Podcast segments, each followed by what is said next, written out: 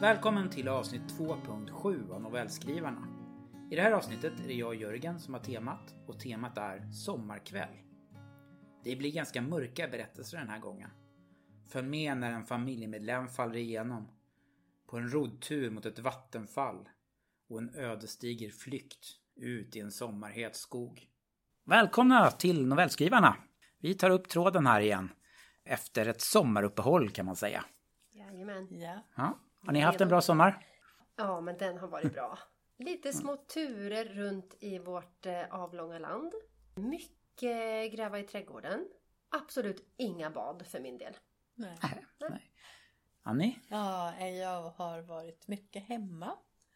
Fixat. Jag har målat fönster bland annat. Det tog ganska lång tid faktiskt.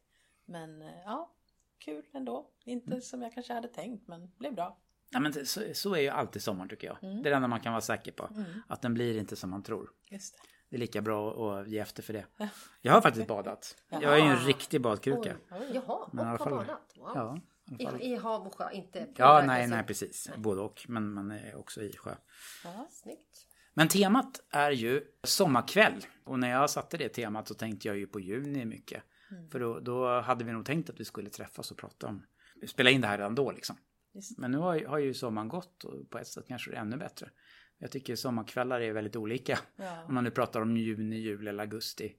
Att eh, ja, det finns en magi i dem liksom. Tycker jag ofta. Också det här att man är ledig liksom. Att, eh, framförallt i juni, att det aldrig blir riktigt mörkt och så.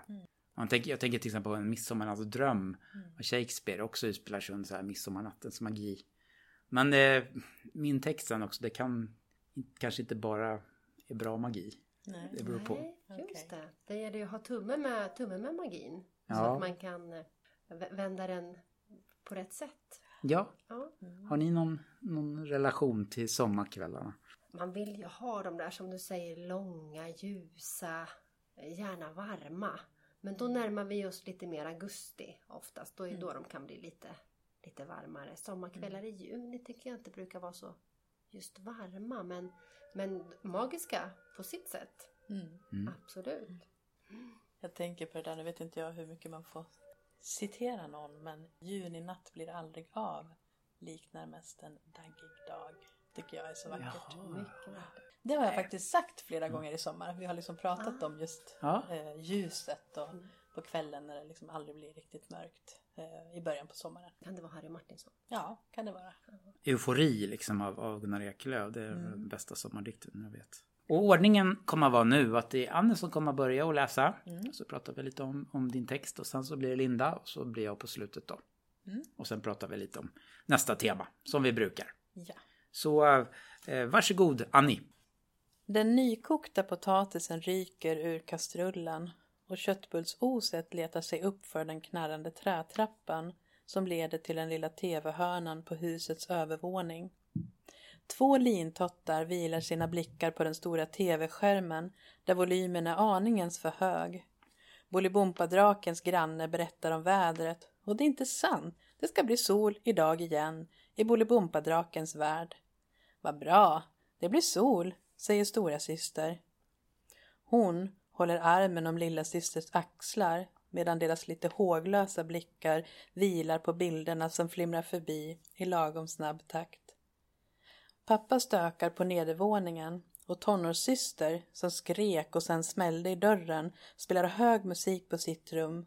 See the idiot walk skallrar i väggar och tak. Bordet är dukat, men pappa tar ändå ex- ett extra varv och rättar till tallrikar, glas och bestick. Upprepade gånger så går han mot ytterdörren, öppnar den lite försiktigt och tittar ut. Likaså går han genom huset och kikar ut i vart och ett av fönstren som vetter mot baksidan av det lilla stenhuset. Trädgården är i sitt mest prunkande tillstånd. I rabatterna runt den lilla dammen samsas stjärnflockar med ormbunke och funkia och den limefärgade alunroten börjar träda fram under den majestätiska eken. Den markerar platsen där grannarnas tomt tar vid. Han sätter på radion och hör de sista tonerna av någon gammal slagdänga från 70-talet. Kan ha varit den där låten med Toto, Hold the line var det väl den hette. Eller var det Love isn't always on time? Äh, nu äter vi, ropar han ut i hallen. Sättet han säger det på avslöjar att han uttalar orden lika mycket för att konstatera ett faktum som att han informerar barnen som gömmer sig i olika delar av huset. För det är väl vad de gör, gömmer sig. Han funderar över vad som egentligen gick fel. Vad var det som fick deras mamma att vissna, precis som buketten ute på farstukvisten? Den som han lämnade åt sitt öde eftersom den ändå ska bytas ut när de plockar nya imorgon. Vilka små detaljer gjorde att den här kvällen, som skulle bli en fin avslutning på jobbveckan och en uppladdning inför midsommar och den stundande semestern, istället blev ett slags avgrundsvrål som lämnade honom och tjejerna med en maktlöshet och motstridiga känslor. Vems fel var det egentligen? Han vet att det inte går att tillskriva en person all skuld men samtidigt så kan han verkligen inte förstå hur han skulle gjort på annorlunda vis. Och barnen, hur mycket förstod de av mammas och pappas hetsiga diskussion? Över en plastkasse där innehållet minskat med en oroväckande hastighet. Han hade ju bara påpekat att det var underligt att flaskorna de köpt in på systemet redan var urdruckna fastän han själv inte kunde minnas att han smakat varken det röda vinet eller likören. Visste hon något om det? Hennes ögon som blixtrade till och allt som forsade ur hennes mun. Avståndet och föraktet i form av en verbal kulspruta blev en konsekvens av hans fråga. Situationen, som var en upprepning och inte helt obekant, vändes till att hela världsalltet ville henne illa att ingen förstod och ingen brydde sig om henne. Sen en abrupt sorti med ord i stil med att ni har det bättre utan mig. Försiktiga steg från övervåningen närmar sig köket och överdrivet tunga steg är på väg från våningen under. Både tv-ljudet och den höga musiken är borta och istället låter tystnaden så högt att det gör ont. När han vill skoja till det så brukar han försöka och efterhärma Björn Gustafssons berättarröst i Alfons. Den där när Alfons ska ha kalas och faster Fiffi anländer för att styra upp kalaserandet. Till bords var hennes sätt att tala om att nu är det dags att hugga in. Det är inget faster Fiffi-läge, så han säger bara Kom och sätt er, nu äter vi. Vi skulle ha fått mat i magen för länge sedan. Hungern övervinner de spår av rädsla och uppgivenhet som syntes i deras kroppsspråk när de satte sig till bords. De äter under övervägande tystnad, även om han gör några tafatta försök att lätta upp stämningen, nynnar på små grodorna och visar hur man brukar dansa till gummorna-sången samtidigt som han tar fram knäckemacka och smör för att förlänga middagen lite till. Klart ni måste veta vilka mos ni ska använda imorgon. För imorgon är det ju midsommar och då kan det hända att de alla kommer att få testa på och dansa runt stången. Tänk om mamma inte kommer tillbaka? Kommer hon snart? frågar lilla, lilla syster som klipper med ögonen och behöver få börja med kvällsbestyren innan det är alldeles för sent att orka tvätta av förskoleleken och leksaksdammet. Prata inte om henne, fräser stora, stora syster som nyss gömde sig bakom musik för att slippa tänka på den person som lämnat ett ekande tomrum runt middagsbordet. Om morgondagen är en repris, en upprepning av deras tidigare upplevelser, då börjar den likt en slags känslomässig bakfylla. Då börjar den med att alla tassar på tå och alla vill vara till lags blidkar och försöker locka till skratt fastän konturerna av mammagestalten först är hårda som stål och ogenomträngliga. I början blir de behandlade som luft, som att de är osynliga, som att de inte är värdiga. Ursäkter och förlåt kommer att uttalas, till och med lilla, lilla syster, fast hon, likt de andra, inte förstår varför hon ska be om förlåtelse, vad hon har gjort för fel. Allt för att göra mammakramen varm och mammaskrattet innerligt. Huset är tyst. Alla sover. Nej, huset är tyst. Alla försöker slappna av och komma till ro medan de lyssnar efter knastrande bildäck som rullar in på uppfarten eller klirrande nycklar som låser upp ytterdörren. Andetagen är ytliga. Imorgon blir det sol. Förhoppningsvis en fin sommarkväll. Ja, spännande när man har hört ganska många texter av dig. Att man, man känner igen sig i liksom den här vardagsmiljön och ofta ja, familjen. Men sen tar, tar berättelserna olika riktning. Det här, här är ju en av de mörkare då, verkligen. Jag befarade först att hon hade tagit sitt liv, men det verkar inte så. Hon, det verkar ju ha hänt förr det här. Eh, att hon har försvunnit och, och sen kommit tillbaka. Och liksom familjen får tassa på tå runt henne. Mm. Men det är en jobbig situation när, när en nyckelperson i en familj liksom eh, fallerar. Mm. Det tänkte jag på. Mm. mm. Ja, jättesorglig historia. Och jag håller med Jörgen där att man, man känner igen stämningen. Man känner igen från dina tidigare mm. eh, texter att det inbillar jag mig ganska ofta ett hus i centrum mm. och en familj.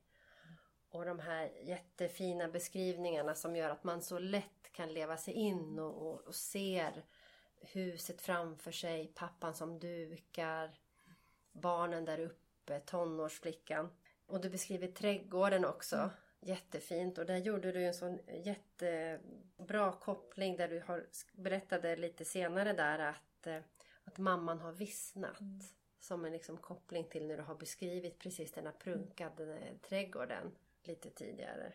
Så, jättemycket fina beskrivningar och uttryck också. En känslomässig bakfylla. Som ju också mm. kopplar till hela temat. Mm. Och så någonting i stil med konturer hårda som stål. Mm. Och så var det någonting mer där också. Mm. Jättefina beskrivningar av hur, hur, hur familjen har erfarenhet av hur, hur det brukar vara när, när mamma Mm. När mamma gör så här. Mm. Ja. Mm. Jag känner så här att det kanske är något som går i skov på något sätt. Jag tror inte att det, det, bara handlar om alkoholmissbruk utan kanske om psykisk ohälsa. Och att den kommer och går liksom. De känner igen de här, mm. nu är vi på väg ner i det här mm. helvetet igen liksom. Mm. Och de här detaljerna är fantastiska som du har.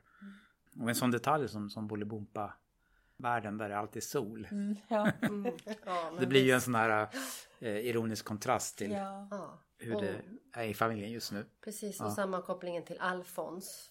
Som också är, står för sån trygghet mm. för, för väldigt många. Fin berättelse. Mm. Och mm. sorglig. Så man undrar ju liksom hur, ja, vad fortsättningen blir. Kommer de fortsätta att hålla uppe fasaden? Och kommer liksom föräldrarna också att indirekt och outtalat ställa de kraven på barnen också. Mm. Att de ska vara med. Mm. mm. För att hålla det här uppe.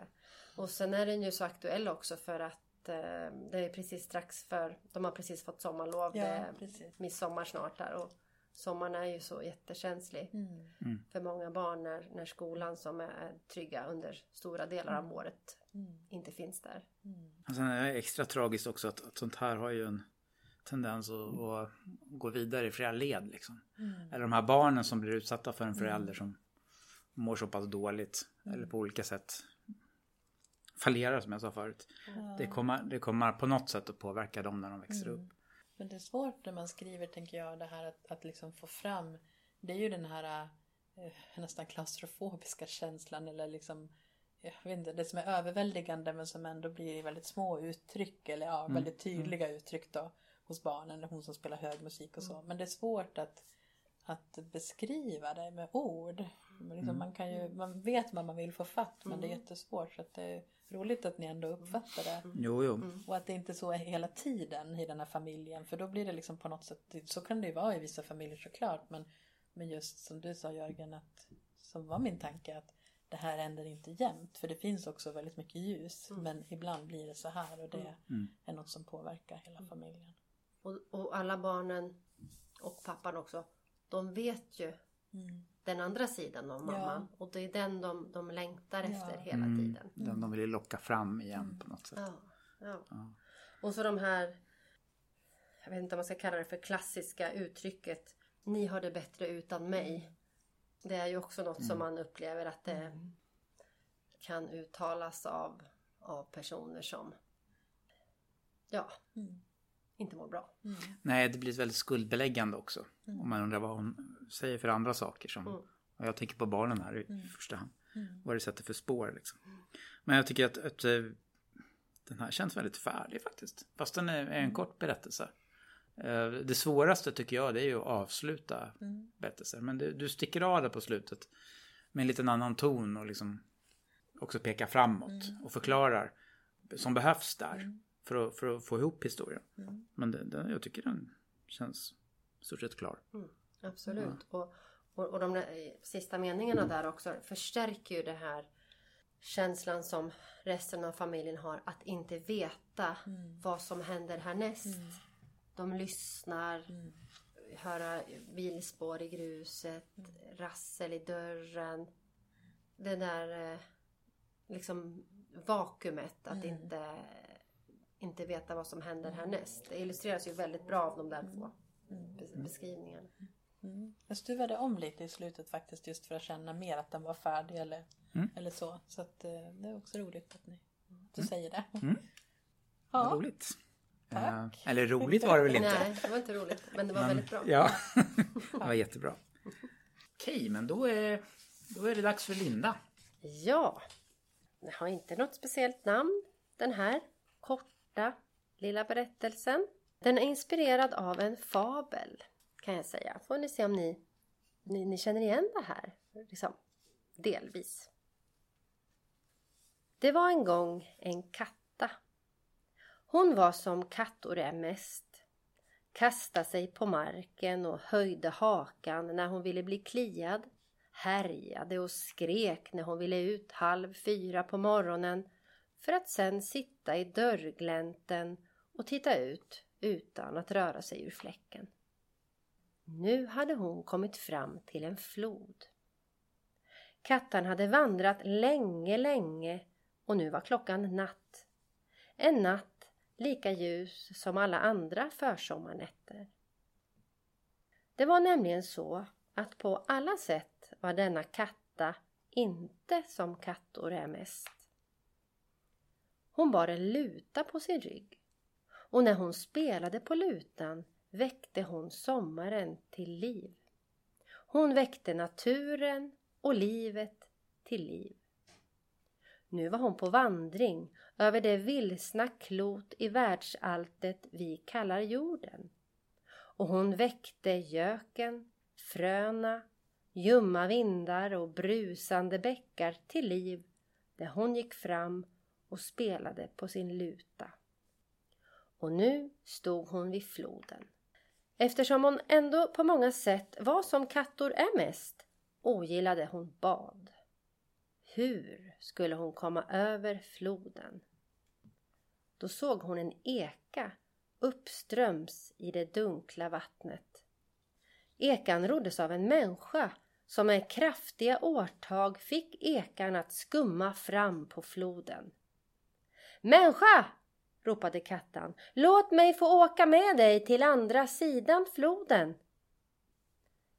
Människan höjde blicken, kisade genom det nattliga diset, såg kattan, rodde dit och lät kattan sätta sig på akterpulpeten.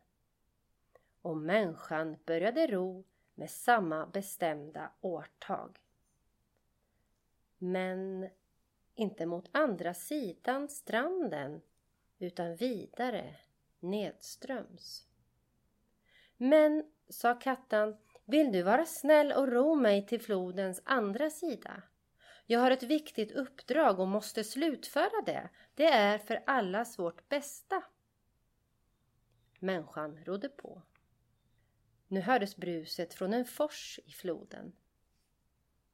Varje gång årorna doppades i vattnet blev ljudet av fallande vatten allt högre och allt vildsintare och Kattan förstod att vattenfallet kunde krossa ekan och få passageraren och föraren att aldrig andas luft igen. Kattan skrek att människan måste sluta ro och vända ekan.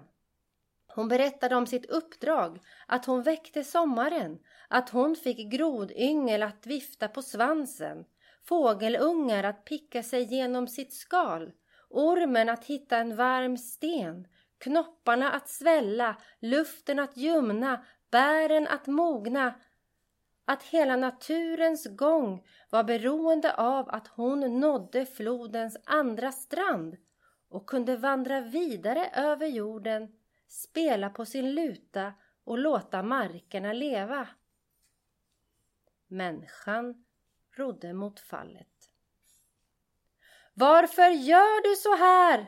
ropade Kattan när ekans för lämnade vattenytan för att sekunden senare peka mot det skummande, frustande djupet. För att det är min natur! ropade människan innan hon, kattan, ekan och lutan krossades i fallet och luften tog slut. Vi blev inte muntrare. Fast, ja, alltså Linda, du var inne på det här med variation i genre eller vad jag ska säga. Ja, jag vet inte vad jag ska säga. Ja, verkligen. Man vet aldrig vad som, ja, vad som Och dyker så upp. dubbel, alltså ofta det här dubbeltidiga. Det handlar lika mycket om vad vi gör med våran miljö som, som den här magiska katten som ska trolla fram eller vad var det? Hon skulle, ja, men hon ska trolla fram sommaren eller? Ja, Ja. precis. Mm. Ja, vandra över ja, men tanken liksom årstidens Ja. gång. Så här, fröken, fröken vår Ja, eller just det. Mm. sommaren som, som, som Ja, den drabbar ju rätt hårt den här tycker jag. Jag är lite engagerad i klimatfrågan på olika sätt. Jag tycker det är en väldigt bra, tyvärr, metafor för Mm. vad som faktiskt håller på att hända. Det är lätt att överföra till, till verkligheten. Mm. Att människan faktiskt styr mot det här vatten eller fallet som kommer att krossa allt egentligen. Och vet det. Mm. Mm. Så det är nästan så liksom att, men vad ska vi göra liksom? Det är så här vi är. Mm, så jag har svårt att få distans till den. mm. Fast det är någonting bra. Den berör verkligen. Men också de här uttrycken som du har då, kattan och människan. Att det, det blir liksom så jordnära eller folkligt. Eller vad ska jag säga? Det- Eller folkligt kanske inte är rätt ord. Men, men eh, ja, tycker det är också bra detaljer. Eller det, det tillför verkligen någonting till berättelsen. Mm. Eh, Så. Mm. Den är ju väldigt vack, vackert språk också. Den är Mm. väldigt poetisk på, på, på många ställen. Ja, den var... eh, det- ja, Den är ju inspirerad av en fabel. Mm. Och som jag inte riktigt minns exakt men jag tror att det var en, eh, en, en groda.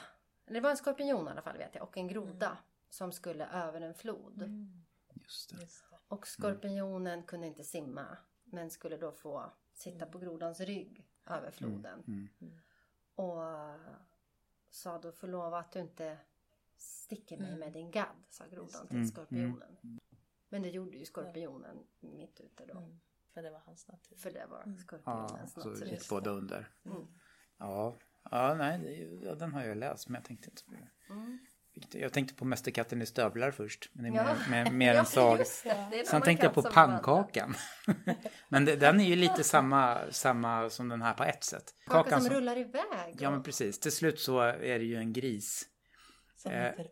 Ja men den, den måste över en flod eller ett vatten sådär. Och grisen lovar att, att eh, den ska hjälpa. För den har kommit undan allt den här pannkakan. Ja. Men eh, det gör ju inte grisen äter ju upp den där liksom i vattnet istället. Samma tema. Men då var ju den eh, mer klockren faktiskt. Den du, den du faktiskt var inspirerad av. Mm. Ja, nej men den, den var roligt att, att skriva den. Och, Den rymmer så mycket fast den ändå är liksom relativt kort så. mm. Det Ja. finns många. Jag tänkte också på saga liksom när jag hörde det här problemet som, som skulle lösas. Att den skulle komma över det här vattnet eller den här floden. Just så jag tänkte, det. ja, Ja. ja det fick hon in det jag tänkte. ja, men det var också snyggt att börja ändå med att man såg ju liksom en vanlig katt framför sig först liksom. Mm. Innan det här mer metaforiska stora kom in. Att, att det var kanske en symbol för någonting annat. Men, men då är man ändå, då har man den här katten i huvudet ändå liksom. Vilket gör att det blir att man är med på ett annat sätt hela vägen. Det blir så tydligare. Ja, alltså Mm. jag, ja, jag imponeras, jag säger det jag imponeras av din variation i texterna. På samma sätt som jag själv då uppehåller mig ofta vid familjen och huset och det lilla på något sätt så, så är du på så många olika platser men gör det så skickligt tycker jag. Ja, det är roligt att vi, vi ändå har så pass olika stil tycker jag. Ja men det är, ju- är väl jättebra. Vi, vi, blir, vi kompletterar och, eh, varann och håller en god variation. Och nu kommer det bli något nå helt nytt här Jörgen. Stämmer det? Ja, Flaggat för att det kan bli något riktigt. en gemensam nämnare ikväll det är ju eh, inte det du menar. Men, men mer att, att, det är, att det är mörker. Det är mörkt. Ja, okej. Det är ju min också, fast det det är det alltid. Men eh, sen är huvudpersonen är en 15-årig kille. Och eh, vad den handlar om och sådär gör att det faktiskt kommer vara lite snusk i den här. Men eh, jag tyckte att det behövdes för, för att liksom eh, verka fram den, vad man säger. Den har väl något arbetsnamn sådär, eh, julikvällar. Jag vet inte om den ska heta så, men just nu heter den så. Vi är båda 15 år. Jag har nyss fyllt och hon har varit det sedan mars. Det är en helvetes sommar här på Färö. Stekhet och vidrig. De vuxna visar upp sina allra sämsta jag. Kajsas pappa ligger utslagen i soffan och snarkar. Med en veckas skäggstubb och ölburkar som svämmar över bordet. Mamman har stuckit med sin nye till Mallorca. Mina föräldrar skriker åt varandra där nere i köket. Morsan kastar ett glas eller något som krossas mot golvet. Det får förstås farsan att vråla ännu högre. Jag sitter i sängen på övervåningen med mina tvillingsyskon. De trycker sig mot mig på varsin sida, som små rädda kaniner. På kvällen ligger temperaturen fortfarande på nästan 30 grader. Det är en sån där fuktig luft. Allt känns klibbigt och kvalmigt. Det räcker att lyfta ett finger så svettas man. På nyheterna pratar de om vattenbrist och brinnande skogar över hela landet. Också här på Färö har det brunnit. Vi träffas i utkanten av skogen. Sitter bredvid varandra på den nedfallna stammen. Med ryggen mot alla idioter och blicken mot trädkronorna och solen som håller på att gå ner över dem.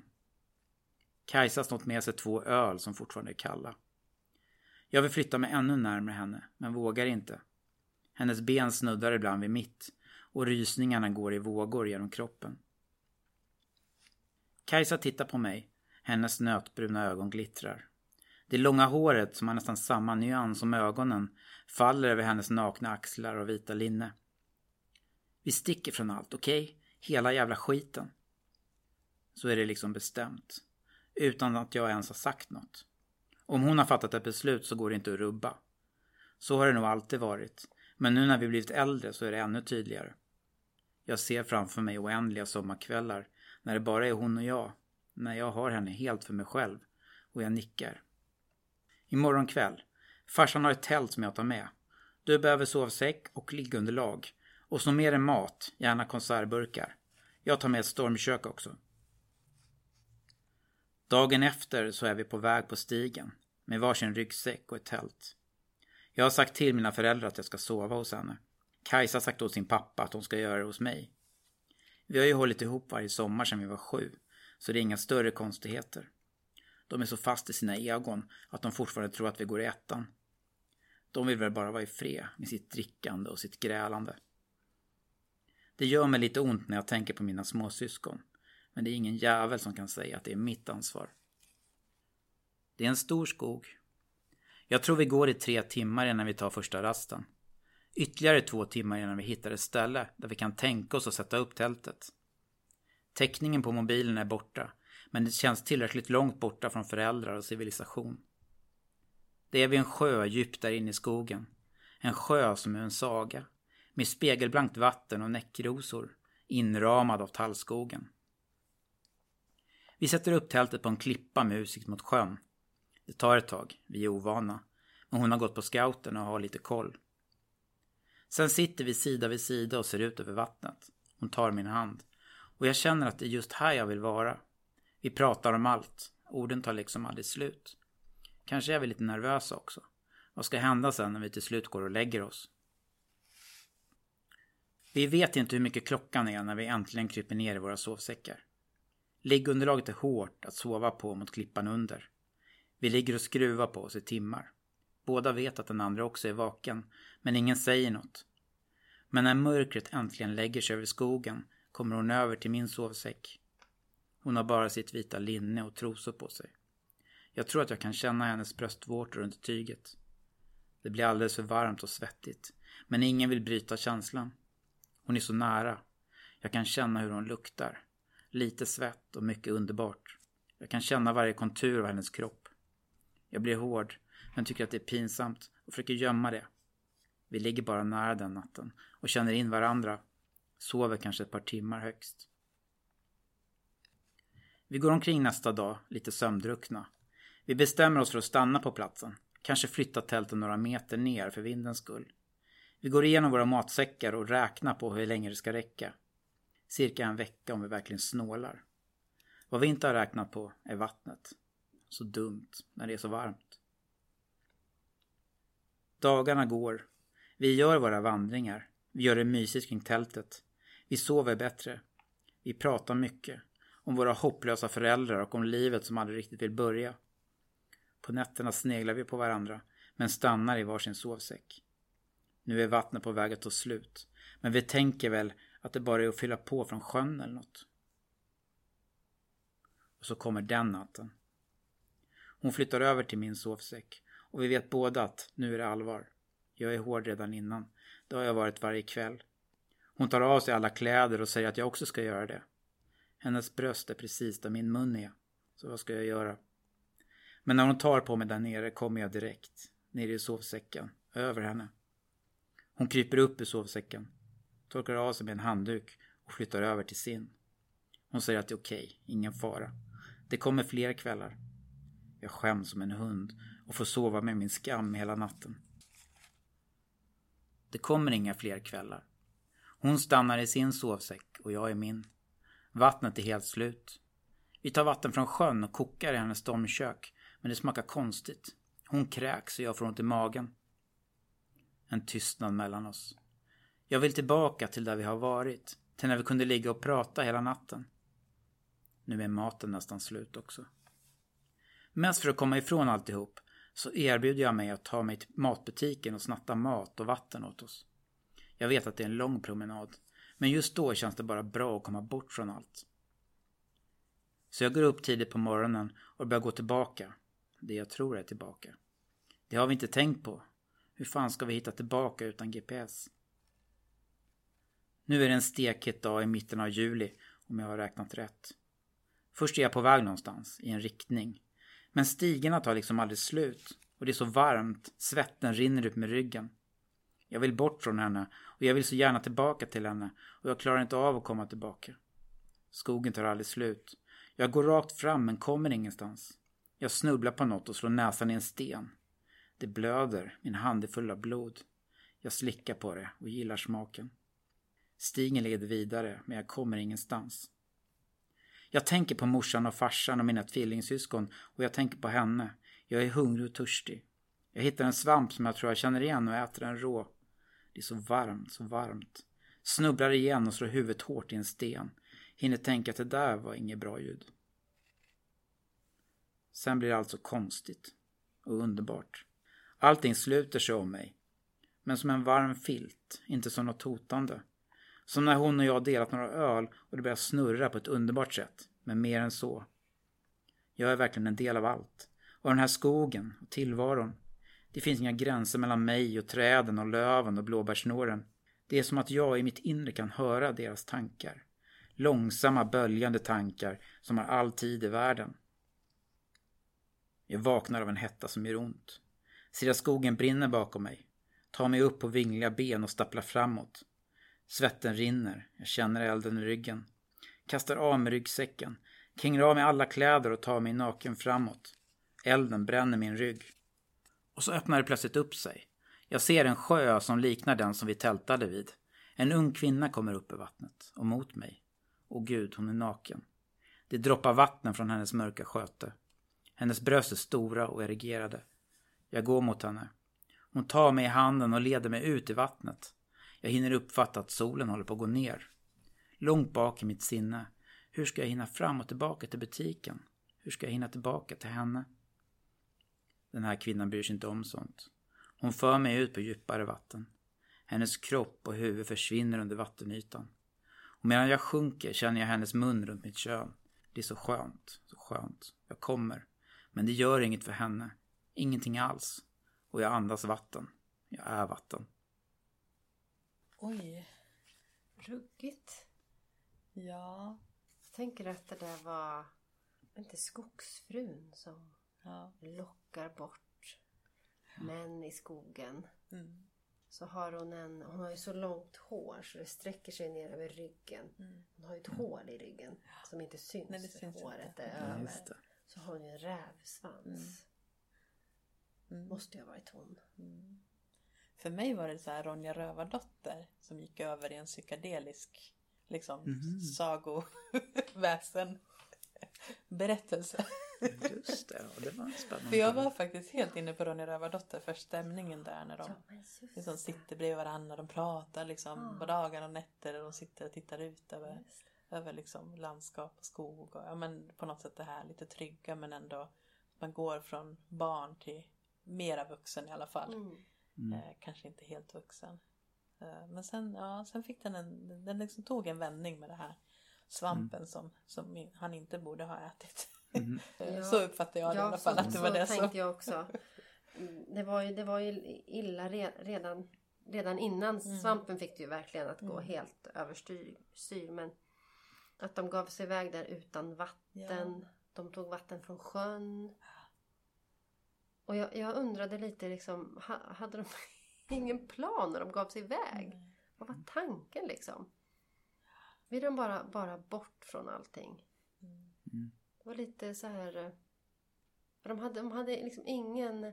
De hade ingen glöd och ingen vision att de ville bort för att göra något annat. De ville bara bort. Och så hade de inte tänkt längre. Mm.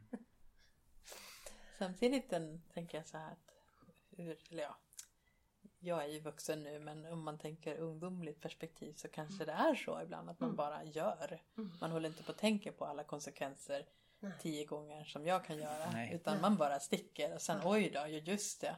Vi skulle väl ha haft vatten också. Alltså lite så. Så det tyckte jag ändå på något sätt Ja. det fångade Ah. bra. Ja, det är väl impulskontroll är kanske Ja. inte det främsta egenskapen när man är 15. Särskilt inte om det är ADHD och diagnoser inblandade. Mm. Och man undrar ju vad som hände med, med Kajsa då. Ja. Mm. Verkligen. Och den här branden. Eller om var det en brand? Var det liksom, hur tänkte du som skrev? Var det en verklig brand eller var det mer en, en slags bara i den här psykotiska eller psykedeliska ruset så? Jo, men jag tror ändå att det är en verklig brand. Och jag försöker placera den in, in, in i verkligheten, nära framtid och sådär. Där eh, det har blivit ännu varmare och på somrarna så, så brinner liksom skogarna överallt. Och det blir värre och värre och det kan uppstå snabbt. Just det. Mm. Eh, För, för du inledde ju med det också. Mm. Att ge tonen att det var en varm sommar. Mm. Skogarna brinner. Vattenbrist. mm. Och så återkom du till att skogen brann. Jag, jag tänkte att det var Mm. på riktigt. Mm. Mm. Och sen blandas allting ihop. Som du sa, Ja, psykedeliskt i hans Ja. huvud. Ja. Så vet man inte vad som är Nej. bak och fram till slut. Men jag tyckte inledningsvis så satte du ändå, vad ska jag säga, scenen. Att man förstod omständigheterna för de här två ungdomarna. Mm. eh, väldigt snabbt. Mm. Så man förstår ju också, även om de inte tänker igenom det, så förstår man varför de Mm. sticker helt enkelt. Och lite det här dåliga samvetet då för tvillingsyskonen men samtidigt kan det inte vara mitt ansvar Nej. som inte heller är vuxen. Nej. Vilken munter start vi har haft. Ja, ja, mm, verkligen. men tack Jörgen. Ja, Ja, tack själva. Men eh, jag tror väl att det är Annie som eh, har Ja. nästa tema. Ja, och jag har ju verkligen krånglat till det den här gången. För jag hade tänkt i förväg vad, vad det skulle vara för typ av tema. Eh, och egentligen är det inte tema, utan det är en utmaning till er och till mig själv. att använda, återanvända några eller någon av karaktärerna i våra berättelser. Mm. Och då tänker jag att man inte ska ta från sin egen berättelse. Eh, så jag vet inte om vi kan enas om att vi har kanske mamman och pappan i min text. Sen har vi kattan. Jag vet inte om du vill ha med människan också. Eh, och sen tänker jag de här två senaste som vi hörde. De här två Mm. 15-åriga pojken Mm. och flickan. Mm. Eh, så Att det jag, är någon av dem man ska välja liksom. ja, jag säger helt självsvårdligt så här, Linda, kan du Ja, redan okej. nu Ja. bestämma dig för en karaktär? Och jag tänker så här att du behöver, du kan ju bygga fler personer i berättelsen såklart. Ja. Men att, att den här kommer att Mm. vara med. Ja, men eh, jag tar mamman. Ja, Jag utmanar mig känner jag nu. ja, Mm. Mm. Jag kör mamman. ja. Yes. Spännande. Mm. Ja, men jag måste väl tyvärr ta mig an klimatet. jag. ja. Ja, Jag tar människan. Ja. Jag tar den 15-åriga flickan där, Kajsa. Ja.